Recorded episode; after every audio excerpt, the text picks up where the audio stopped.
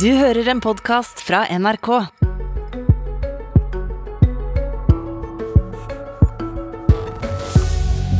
Det var den pandemien, sa han for et drøyt år siden. Nå er han ute igjen og sier vi skal forberede oss på enda en runde. Dagens eh, sommergjest er Preben Aavitsland, alder, 59. stilling, Overlege på Folkehelseinstituttet og professor ved Universitetet i Bergen og kommunelege i Arendal og Froland. Hjertelig velkommen til sommerkvarteret, Preben Aavitsland. Takk. Trodde du virkelig at pandemien var over eh, allerede i juni i fjor? Jeg trodde den eh, akutte fasen av pandemien var over. Da hadde vi jo vaksinert alle de eldre med to doser. Og denne sykdommen er jo klart mye farligere for de eldre. F.eks. For, for de som er over 80, så er det tusen ganger så stor risiko for å dø hvis man blir smitta, enn for de som er under 40. Hva tenkte du da statsministeren, helseministeren, FHI-direktøren, assisterende helsedirektør Espen Nakstad og til slutt også du sjøl måtte ut i mediene og avvise at pandemien var over samme dag? Ja, Nei, det, jeg tenkte ikke så mye om det. Det, det var um, tydelig at uh, mitt forsøk på å spre litt optimisme var, ble, ble litt feilslått. Blir en sindig sørlending som deg stressa, eller? Nei, ikke for det der. Vi skal snakke mye om pandemier, både korona og andre, men vi har noen faste spørsmål i disse sommerintervjuene. Ett er hvilket yrke du ville valgt om du ikke skulle vært der du er i dag? Åh, det er ikke så det, det, er litt vanskelig, for det er så mye som hadde vært spennende. Eh, kanskje historiker, eller eh, arkitekt, kanskje. Eller eh, i det siste året så syns jeg at samfunnsøkonomi virker veldig spennende. Med den der komboen som du hadde, og har fortsatt så, i ledergruppa for FHI, og i tillegg så, til å være kommunelege i Arendal og Froland, så har det antageligvis vært dårlig med helgefri og ferie. Hvordan blir det i år? Um, ja, jeg prøver å ta litt ferie nå i, i sommer, og så skal vi en tur til, til Danmark. Et spørsmål alle får. Hvor var du 24.2 da Russland invaderte Ukraina? Uh, ja, hvor var jeg da? Eh, jeg, jeg, satt nok hjemme i, på hjemmekontoret i kjelleren. Tenkte du at det ville påvirke din hverdag? Eh, nei, egentlig ikke. For, for, den krigen er jo tross alt et stykke borte. Sånn at det, den norske hverdagen rent at ville bli påvirka. Ikke noe. Det var fortsatt pandemien som ville være det viktigste der. Din kamp handler altså mest om å holde orden på koronapandemien fortsatt, men du har òg jobba med smittevern i veldig mange år, faktisk flere tiår. Først så starta du med aids-epidemien. Du var sentral på FHI under svineinfluensaen, og du har engasjert deg i debatt om borreliose, bl.a. Nå jobber du med apekoppene også, som er den nye smittsomme sykdommen som har fått mye oppmerksomhet. Hvor bekymra skal vi være før sommerens festivaler? Eh, jeg tror folk flest skal ikke være så veldig bekymra for apekopper. Men eh, som du sier, så, så, har jo dette noen historiske paralleller. For, eh, for 41 år siden, i, i, juni, så kom de første meldingene fra Los Angeles om en ny sykdom som senere fikk navnet aids. Og så fant man hiv-viruset som forårsaker det. Og, og, det viruset hadde jo spredd seg under radaren siden 1920-tallet. Og, og, det kom til USA kanskje på 1970-tallet, og så spredde det seg blant menn som har sex med menn. Og, og noe av det samme ser vi nå, at dette apekoppeviruset eh, har spredd seg blant menn som har sex med menn, gjennom seksuelle nettverk og, og menn som reiser fra, til, til, mange andre byer og har eh, sex med flere andre. Og da kan det viruset klare å spre seg i det miljøet. Men, eh, men utover det så, så, venter vi jo ikke noe særlig spredning. En av lærdommene dere tok med fra aids-epidemien, det var at eh, tiltakene måtte være frivillige. På hvilken måte? Hvorfor var det så viktig? Det er jo eh, avgjørende å få med seg den gruppa det gjelder i, i tiltakene. Og det er jo noe som har prega smittevernet iallfall siden 60-tallet, at vi skal prøve å få frivillig medvirkning. Og det er jo også en, en grunntanke i smittevernloven vår. Og i arbeidet mot aids-epidemien, eh, så, så, var det helt avgjørende. Og at en fikk med seg ei gruppe som, som, var litt på siden av samfunnet, fikk de med på frivillige tiltak ved å stoppe hiv-epidemien. Og Men, det samme vi, må vi nå gjøre på apekoppeepidemien i Europa. Men er ikke det viktig for uh, vår felles folkehelse at man faktisk sier også til dem som ikke ønsker å gjøre noe med det, at det, må du faktisk? Jo, der er vi jo midt inne i hele utfordringa med smittevernet. Det er liksom avveininga mellom hensynet til de som er smitta og deres menneskerettigheter, og hensynet til alle oss som ikke er smitta, og vårt ønske om å ikke bli smitta. Eh, og da må vi finne en eller annen eh, balanse der, og det er jo det smittevernloven forsøker å gjøre, ved at man først skal prøve de eh, frivillige tiltakene. Og som regel så kommer man i mål med sånne tiltak og mot apekopper, så, så, har vi jo allerede oppe å gå et, et, godt samarbeid med Helseutvalget for homofile og Hiv Norge og andre foreninger som jobber i den gruppa. Så um, jeg tror vi skal få det til uten å måtte ty til noen restriktive tiltak. Det er jo det vi nesten aller minst vil. Men altså, eh, hva er problemet med tvang, må jeg bare spørre i denne sammenhengen? Ja, altså Problemet med tvang er jo at det, at det er tvang. Vi ønsker jo ikke å tvinge noen til å, å, gjøre noe de ikke vil.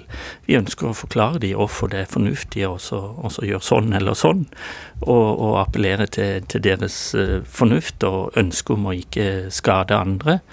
Og erfaringa er jo, iallfall med, med miljøet av menn som har sex med menn, at dette går de med på når de har tillit da, til eh, helsemyndighetene, og, og, når vi kan samarbeide med deres eh, foreninger.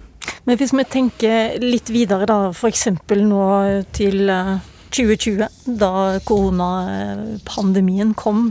Eh, tenkte dere litt for lenge på frivillige tiltak eh, på FHI, selv når vi visste at koronaviruset var på vei også i Norge? Nei, det vil jeg ikke si.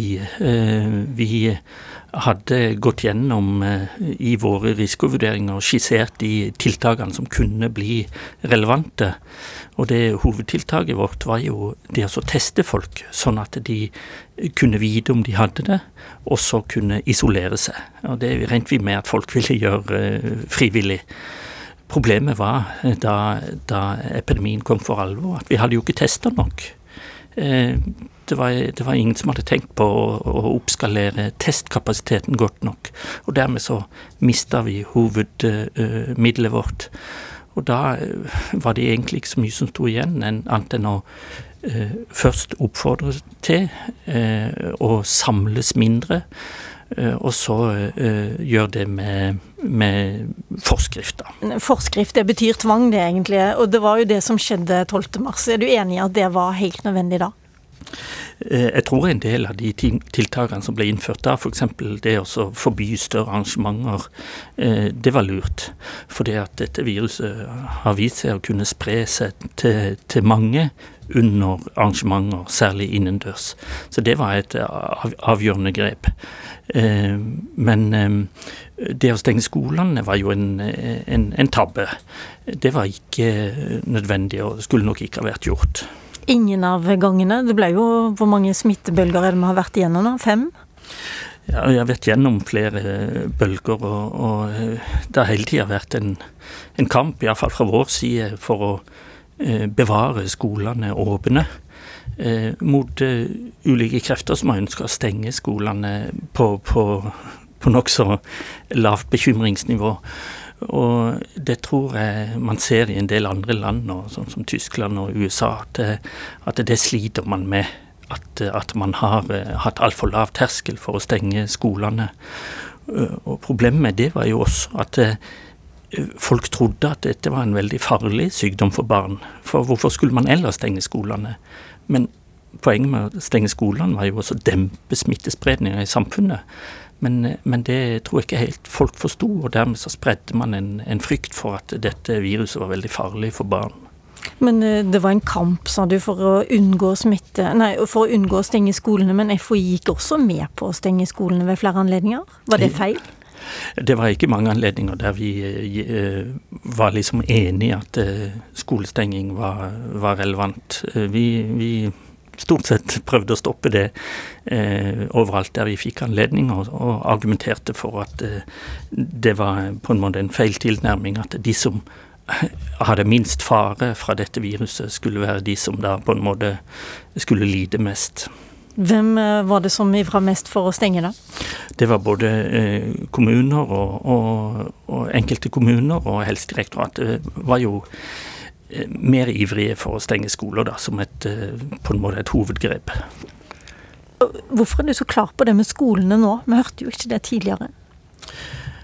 Vi, vi, har hele tida vært imot skolestenginger, men se nå eh, i ettertid, når folk eh, har fått inn denne frykten for at dette viruset er så veldig farlig for barn, så ser vi f.eks. i USA da, at eh, fortsatt så driver de med munnbind på to-treåringer. Og nå skal de vaksinere to-tre-fireåringer med en vaksine som det knapt finnes noen dokumentasjon for at det virker mot eh, noen ting som helst i den aldersgruppa. Og og det er jo en konsekvens at folk er, er, er, blitt skremt med at dette viruset er, er, farlig for barn. Men det er jo en helt misforståelse. Grunnen til at man hadde tiltak mot barn, var jo at de skulle dempe smittespredninga i samfunnet. Heldigvis så har vi unngått mesteparten av det der eh, her i landet. Men det er jo farlig for noen barn, da. Det er noen som har endt opp med long covid, f.eks.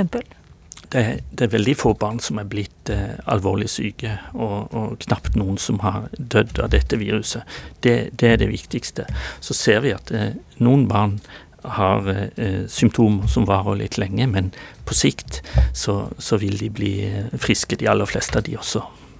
Du satt uh, veldig mye på gutterommet til sønnen din du, for å få best mulig eh, internettdekning, og jobba seint og tidlig. Hvor mye tid fikk du til å ta deg av innbyggerne i Arendal og Froland, all den tid du også var ute i all verdens medier og snakka om uh, pandemien der? Ja, sånn, så er det heldigvis sånn at vi i Arendal og Froland er team av kommuneleger. Sånn jeg hadde gode kolleger som, som, som trådte til, da, sånn at vi kunne dele litt på oppgavene. Så, så det gikk eh, stort sett greit. Det var ikke så mye jeg var i lokalmediene. Pandemien var vel ikke verst på Sørlandet heller?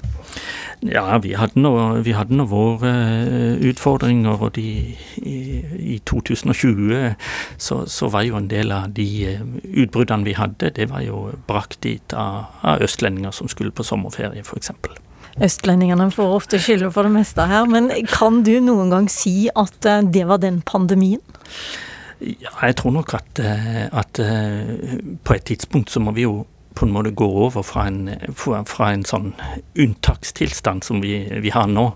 Ikke, altså ikke ordentlig unntaks, unntakstilstand, men at vi har en sånn annerledes tilstand og, og, og si at nå, nå, har vi dette viruset her. Vi kommer til å bli smitta alle sammen én til to ganger i året kanskje, eller, eller kanskje sjeldnere. Og det vil være en, en trussel for de eldste og sykeste, sånn som influensa er. Eh, men ellers så, så, må vi bare leve med dette viruset uten noen særlig ekstra tiltak. Du har jobba med svineinfluensa, borrelia, eh, du har jobba med korona, du har jobba med aids og nå apekopper. Eh, hva er du mest bekymra for, hva er den største faren du ser framover? Um, ja, hva er den største faren? Eh, det er nok eh, et virus som vi ikke har eh, oppdaga enda.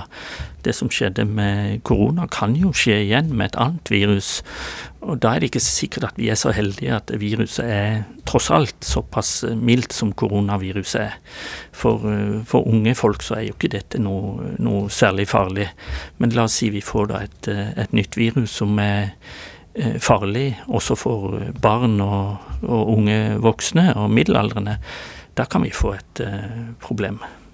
Det får vi snakke mer om når vi kommer dit. Nå er det sommer og ferie, og du skal i hvert fall til Danmark først, håper jeg, før det kommer nye farer inn? Ja, jeg håper det. At det blir litt, eh, litt eh, tid i, båten og i vannet her på Sørlandet, og så en liten tur til Danmark. Tusen takk for at du var med i Sommerkvarteret, Preben Aavitsland. Mitt navn det er Lilla Sørhusvik, og hør oss videre. Vi har en ny gjest i morgen. Du har hørt en podkast fra NRK. De nyeste episodene hører du først i appen NRK Radio.